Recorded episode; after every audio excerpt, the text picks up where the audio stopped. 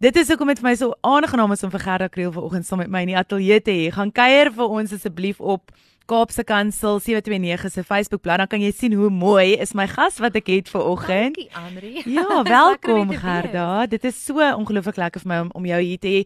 Ek luister elke week jou inset en dis asof jy hier is en dis asof ek jou nou al ken. En ja, ek dink is net so waardevol waaroor jy gesels en ek dink ons het nou net daaraan geraak van hoe belangrik dit is om tog gesels as Christene en ook te weet dat jy die platform kan hê met ander Christene waaroor jy kan gaan praat en ek dink baie keer is mense so bang om met 'n sielkundige te gaan praat. Jy hoor sielkundige en dan dink jy nee, ek het 'n probleem en niemand mag dink ek het 'n probleem nie. Hoe voel jy daaroor? Wat is jou ja, wat is jou denk, raad? Dis dis so moeilik want ek kry so baie gelowiges wat by my kantoor instap en net vir my sê, "Weet jy, Gerda, ek het nooit gedink ek sal myself by 'n sielkundige sien nie, maar hier is ek op moedverloorse vlakte." En dan na die eerste sessie sê hulle vir my, "Dit was nou glad nie hoe ek gedink het dit gaan wees nie. Dit was nou eintlik baie normaal." En sê ek, "Ja, dit is baie normaal. Dit kan eintlik so 'n normale deel van ons proses wees, net so normaal soos dokter toe of tandarts toe gaan." So hoop ek meer en meer gelowiges begin voel oor sielkundiges besoek. Ja, definitief. En ons wil julle regtig daar waar jy sit vandag en sommer wonder, maar moet ek, moet ek nie? Wees sommer aanraai, ek gaan die nommers met jou deel en Gerda is ek ek weet ek kan sommer in jou gees aanvoel jy's 'n jy's 'n Christen, jy's lief vir die Here en en jou werk en jou passie is definitief dit en nie nie net om na mense te kyk en enigstens eers enigstens 'n oordeel oor hulle te vel nie. Maar Annelies ons praat ag Gerda, skus, ek het nou net met Annelies gesels hier voor my. Um, Gerda ons praat oor 'n baie interessante ehm um, titel hierdie hele maand wat ons oor gesels het al oor substansieafhanklikheid. As jy so 'n bietjie vir ons net in 'n neutedop kan insit, waaroor het ons gepraat? Waaroor het jy gesels hierdie maand? En dan het ek so een of twee interessante vrae wat ek graag vir jou wil vra. Ja, so hierdie maand het ek regtig gevoel ons moet fokus op substansieafhanklikheid omdat dit so 'n massiewe probleem is. En eintlik is dit iets waaroor so min mense praat, want ons kry verskriklik skaam daaroor. Maar weet jy, ek was eintlik so geïnspireerd in die maand het ek met 'n vriendin gepraat wat oopgemaak het teenoor my en my vertel dat sy 'n pad met substans ehm um, afhanklikheid geloop het. Sure. En eintlik dit was so weggesteek. Sy's 'n mamma en sy het um, net jy weet gereeld 'n bietjie te veel wyn gedrink. En dis ietsie wat ons so maklik oorsien. Sure. Jy weet en in die Kaap, hier waar ons woon, is dit so algemeen. Mense bied vir jou soms wyn met jou ontbyt aan. dit het ek agtergekom. Ja. Ek is nou nie van die Vrystaat af, so dit was vir my nogal 'n nuwe een gewees. En en eintlik is dit 'n probleem want weet jy, ons kan nooit weet wanneer iemand miskien verslaaf gaan raak of wanneer nie. Sure. En ek was geïnspireerd deur haar storie omdat sy self besef het sy het 'n probleem en dit is een van die krukse nê, is dat as jy 'n probleem het, het jy nodig om self te besef dat jy 'n probleem het en jy moet 'n verskil maak. En ek wil eintlik sê wat dit doen en hoekom dit belangrik is is jy spreek jou familie vry om te sê dis hulle probleem.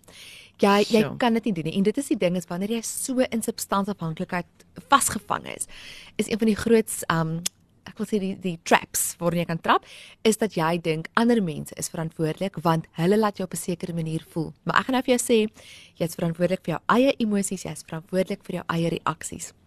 Niemand kan jou iets laat doen wat jy nie regtig wil doen nie. En en as ons dit begin besef en ons bring dit na die kruis toe uiteindelik en ons sê Here, help my, vernuwe my gees, vernuwe my denke, kan die Here jou absoluut daarmee help dikwels het ons net 'n bietjie meer van 'n professionele hand ook nodig. En dis vir sielkundiges en psigiaters en opgeleide mediese personeel ja. kardinaal van belang is. Verseker, verseker.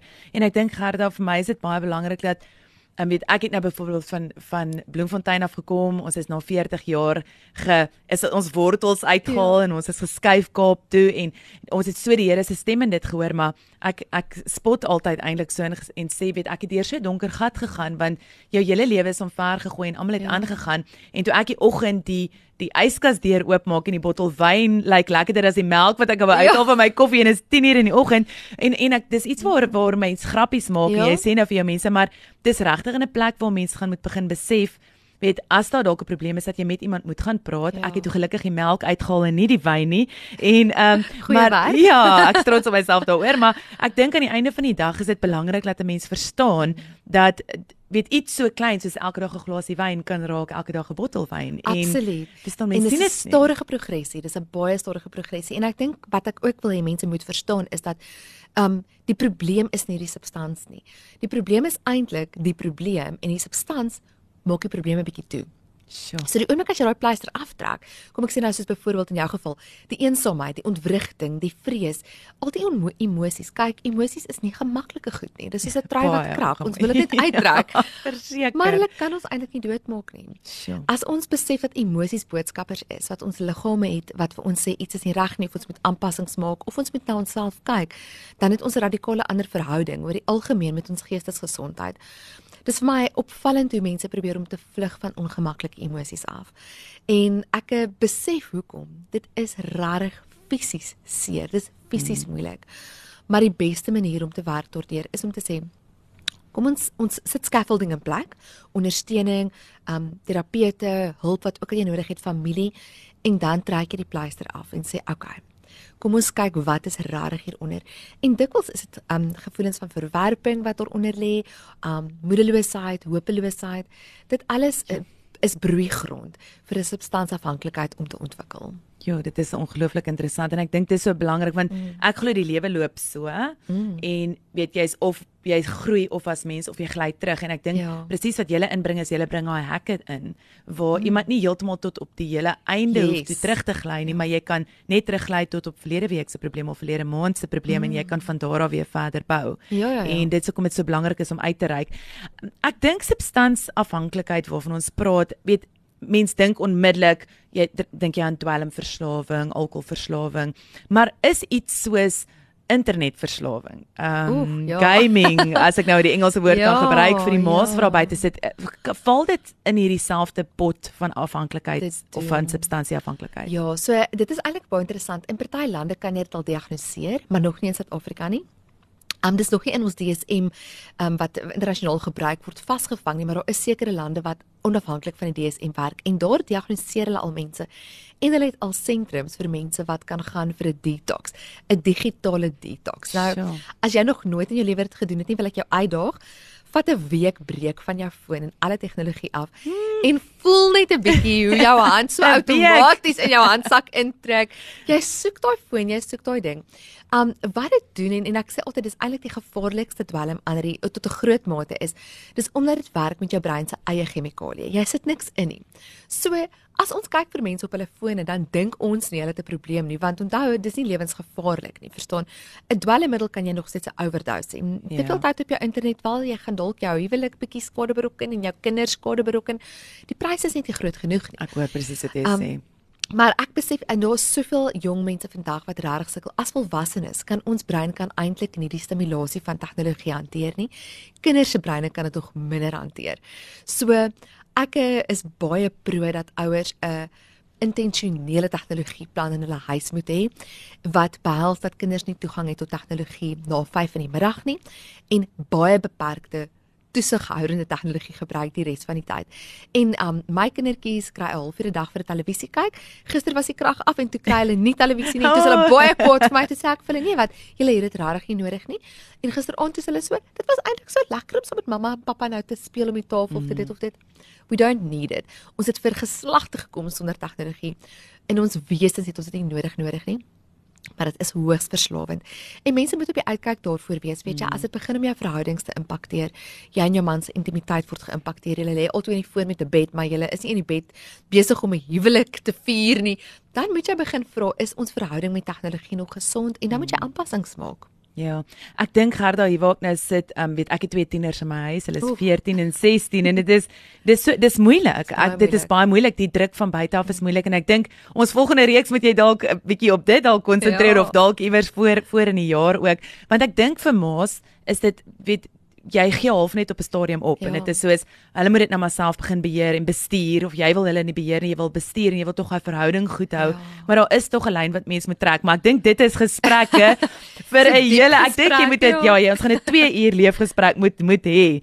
Ek dink om saam te vat wat ons hierdie hele maand oor gepraat het en ek wil regtig graag regtig uitreik na na ons luisteraars en vir jou daar waar jy sit vir jou sê weet ek vir jou na die tyd gaan ek um, Gerda se besonderhede met jou deel maar ek wil regtig vir jy moet begin uitreik want ek dink die raad nie net aan ouers nie maar aan 'n metgesel aan familielede. Wat sal jou raad wees aan 'n persoon wat 'n persoon met substansieafhanklikheid moet ondersteun. Ek dink dit ja. is die moeilikste wat jy wil hulle ruk en sê kom ja. net reg of los dit net, maar ek onthou vinnig net 'n vinnige storie van my mm. kant of dan gee ek vir jou oor is ek het 'n modelskool en ja. het hierdie jong man by my ingestap net na skool klaar gemaak, ongelooflik baie potensiaal gehad en 'n ruk terug het een van my vriende my gebel en vir my gesê Andri toe ons by die robot stop het hierdie persoon met 'n bordjie voor hom gestaan en hy was sure. op substansverslawing gewees jy kon sien hy was weet onder die mm. invloed van van alkohol en en dwelmmiddels gewees en my hart wou breek want dit is 'n jong mens wat soveel potensiaal gehad het ja. om die pad vorentoe te kan vat wat is die raad aan iemand wat daai persoon moet ondersteun die eerste ding is dat jy nooit moet moed verloor nie nooit hoop moet verloor nie en jy moet regtig jou jou hoop diep anker en ek voel as gelowiges het ons daardie voordeel dat ons kan ons hoop anker in die Here wat die hemel en die aarde geskep het. En he can shift foundations. En ons moet daardie hoop in ons harte hê. En met daardie hoop moet jy self vir jouself eers hulp kry. So daar's organisasies Alanon en hulle bied regtig hulp en ondersteuning vir die families en die geliefdes wat nie self verslaaf is nie, maar wat saam met iemand leef wat verslaaf is, want dis dis baie moeilik. Met 'n verslawing is daar so maklik 'n uh, ons praat van 'n codependent verhouding wat plaasvind. Jy weet nie dat jy eintlik die persoon in staat stel om die die middel te gebruik nie, maar deurdat jy byvoorbeeld hulle nie druk om te gaan werk nie of deurdat jy byvoorbeeld altyd al hulle verantwoordelikhede vir hulle optel wat hulle laat val, maak jy dit eintlik vir hulle heel moontlik om dit aan te hou gebruik. So daai tipe verhouding moet breek. Dit moet verander, dit moet skuif. Daar moet 'n dinamika verhouding wees. En daarvoor het 'n mens professionele raad nodig. Jy het raad nodig wat iemand kan kyk van buitekant af. In die eerste plek dit kan raak sien, want jy sien dit nie self raak nie. En dan die skuwe kan voorstel en implementeer. En dan wanneer jy jou geliefde kan toefou in liefde en jy kan net aanhoudend sê ek is hier vir jou ek is lief vir jou. Ek het in een van die praatjies gepraat oor die rot eksperiment wat ja, hulle ja, gedoen ja. het om te sê wanneer daar 'n social um, grouping rondom die rotte is raak hulle nie verslaaf aan die kokaine nie. Wanneer ons sosiale strukture goed in plek is en partykeer moet iemand met hulle verlede gaan deel. Iemand moet met hulle pyn en hulle verwerping van hulle jong dae gaan deel voordat hulle regtig kan vrykom daarvan.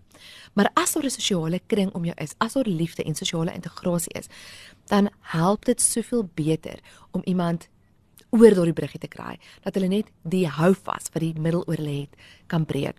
Want sosiale interaksie is lekker. Dit is lekker om mekaar te kan sien rondom mekaar te kan wees en dit vervang daai middel tot 'n groot mate Um, ek dink gerd dan net so op 'n laaste noot en dan hardloop ons tyd alweer uit. Ek wil die hele dag saam met jou kuier. Het so ongelooflik lekker gesels gees en en sommer net so lekker om saam met jou te wees, maar ek ek dink dit is belangrik dat mense moet verstaan dat dis soos 'n vuur en as mm. daai koel warm gehou word, dan kan jy bly smeel en jy kan ja. aangaan, weet positief en negatief, maar sodra jy 'n koel wegvat en jy sit hom alleen, gaan hy dood. Absoluut, en as jy ja. dan nou alleen staan en jy praat nie met iemand nie en jy het nie daai ondersteuning nie, is jy in die gevaar om om nie hulp te kan yes. kry en dan en ja. dan regtig want dit is iets wat gered kan word. Dis iets wat mm. weggevat kan word uit jou lewe uit. Dit is dis iets wat die Here vir jou kan genees, maar definitief met met die hulp van professionele mense soos jy ja.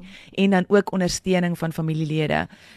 Ja, ja, en ek dink ook dit laaste is om te sê as jy weet iemand het 'n substansverslawing gehad op 'n stadium en jy kuier sommer terug of jy is by hulle in 'n huis, doen jou deel en moenie voor hulle drink nie. Moenie voor hulle middels gebruik wat jy weet vir hulle 'n lokval is nie. Die sure. woord is eintlik so duidelik daaroor dat ons niks moet doen wat iemand anders laat struikel nie. En ons kan nie altyd weet wat ons broers of susters laat struikel nie. So as ons as ons in liefde wil optree, is dit wat ons moet doen. Moenie iemand anders laat struikel nie. So dis 'n klein klein sacrifice om te maak. Klein ja, opofferingkie. Maar dit kan regtig 'n impak hê op iemand anders se lewe. Ja, Gerda, vreeslik, vreeslik dankie. Waar kan die mense jou in die hande kry? Ja, so hulle kan my e-pos by gerdakriel.psychology@gmail.com. My man sê altyd ek moet 'n meer professionele e-mailadres kry, maar daar is hy. ek hou van hom, ek hou van hom. Dankie. en dan kan hulle ons webtuiste besoek en dan van daar af direk um kom die webtuiste se naam is www.helderbergpsychology.co.za en daar is al die ander kontakdetails op. Yes, Gerda, vreeslik dankie en dankie dat jy kom inloer. Elke einde van die maand gaan Gerda saam met my kom kuier oor die maand se geselsies. So ons wil jou regtig vir sommer vra aan jou jou aan aan hits en vir jou sê stuur vir ons 'n WhatsApp na 0817291657 en kom gesels saam met ons. Volgende maand se insette sal ons van volgende week af vir jou begin speel vir Julie. Ek kan nie glo ons is al in Julie ja, nie. Dit het baie vinnig gegaan. Baie hoor. baie vinnig 6 maande is verby, maar kom ons begin gesels. Kom ons begin inskakel en vra vir vra vir Gerda jou vrae. Weet laat ons by jou kan uitkom en as jy nie oor die lig dit wil vra nie en as jy nie wil hê ons moet jou naam bysit nie, kan ons dit ook doen, maar anderste maak kontak met haar en maak seker jy begin gesels met iemand wat vir jou die hulp en die raad kan gee en dalk sommer net baie keer 'n oor kan wees.